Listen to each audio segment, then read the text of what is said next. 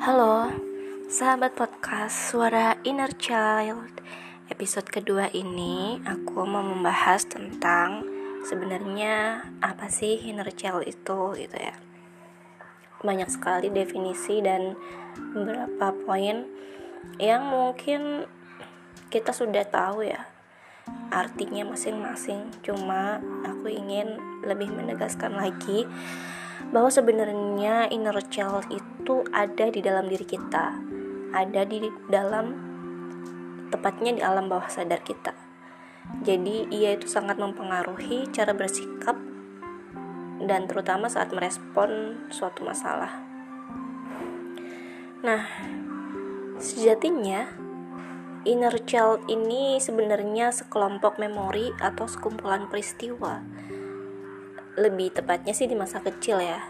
Tapi ada peneliti yang mengatakan bahwa uh, tidak hanya masa kecil, tapi sampai misalkan detik kemarin pun ketika itu ada masalah yang belum tuntas dan masih mengganjal dalam pikiran itu juga termasuk dalam uh, poin inner child dan peristiwa itu bukan hanya peristiwa yang buruk ya tapi juga hal yang baik hal yang positif dan bahkan menyenangkan itu juga bagian dari inner child. Jadi kalau kita bahas inner child bukan berarti bahas mas uh, rasa sedih atau sakit hati bukan, tapi lebih kepada memori-memori yang membentuk keberbadian kita hingga kita seperti saat ini. Jadi guys, aku tuh sangat percaya banget kalau yang namanya orang atau manusia itu bukan malaikat dan bukan bola setan. Artinya manusia itu nggak ada yang 100% sempurna gitu. Bisa saja melakukan kesalahan dan memperbaikinya dan bisa juga akan melakukan kesalahan lagi. Dan bukan pula orang yang perfect artinya selalu baik dan positif karena posisi posisi yang positif dan selalu baik itu ada di posisi makhluk yang namanya malaikat. Dan mal manusia itu bukan malaikat. Jadi intinya nggak ada manusia yang 100% selalu benar dan 100% selalu salah.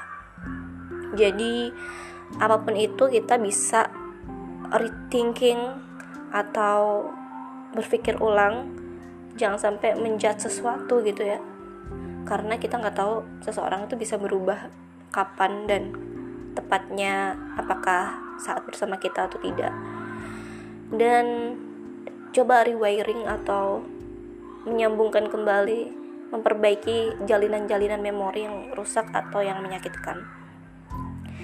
Karena dia di alam bawah sadar, jadi kita memang nggak sadar kalau kita itu uh, merespon sesuatu dengan sesuatu yang atau sikap yang kurang tepat.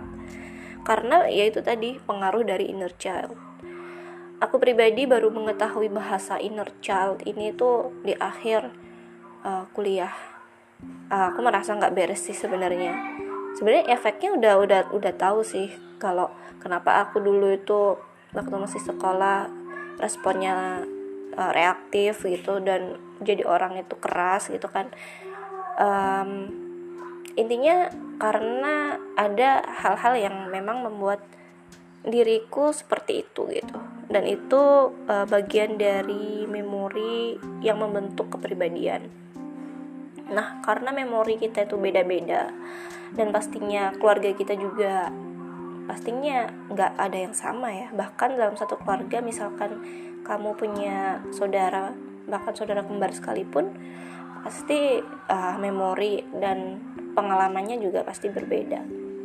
Nah, makanya aku sendiri atau mungkin kamu yang menyadari hal ini aku tuh punya inner child gitu aku ingin mendamaikan ini gitu. Itu udah satu langkah yang lebih maju gitu dibandingkan kita merasa tidak punya masalah apa-apa. Karena ketika kita merasa tidak punya masalah di situlah masalahnya. Karena inner child itu dapat mempengaruhi seseorang atau diri kita jadi pribadi yang mungkin pemarah nggak punya empati atau mungkin justru terlalu mm, yes man atau yes woman gitu kan. Eh, nggak uh, enakan gitu. Itu sebenarnya uh, bagian dari emosi kita gitu yang belum beres gitu. Jadi kalau misalkan ada orang bilang aku nggak punya inner child gitu oke okay lah misalkan usia 0 sampai 5 tahunnya bahagia, 0 sampai 8 tahunnya bahagia, mungkin sampai remaja bahagia gitu ya, keluarganya hangat, harmonis dan perfectly gitu. Cuma ketika um, mungkin di usia dewasanya atau setelah dia keluar dari keluarganya, bekerja atau kuliah atau mungkin menikah gitu. Pastilah itu ada segala sesuatu atau masalah yang dia uh, positif tidak selalu positif gitu ya. Memorinya tidak selalu baik gitu. Dan itu berpengaruh terhadap keputusan kita hari ini. Nah itu juga inner child gitu. Jadi kalau teman-teman ngebahas uh, kepribadian kita bergantung banget dengan masa kecil kita yes itu memang betul banget gitu. Sangat sangat betul. Mungkin aku bisa mengatakan um, aku pribadi ya itu 80% 70% itu dari masa kecil. Artinya uh, eh, 0 sampai usia balik ya 8 tahun atau ya 7 tahun lah. Atau bahkan remaja gitu. Kalau di beberapa referensi, yang aku baca sih 0 sampai usia 18 tahun atau 17 tahun. Bahkan ada yang mengatakan 0 sampai 25 tahun. Itu sangat mempengaruhi. Tapi the golden age-nya itu yang memang beneran banget deh uh, well aku mau cerita ini di segmen selanjutnya di episode selanjutnya terkait tentang akar dari inner child itu apa aja dan sebenarnya aku tuh di poin mana. Nah oke okay? begitu dulu di podcast sing singkat ini. Sampai jumpa lagi di episode selanjutnya. Thank you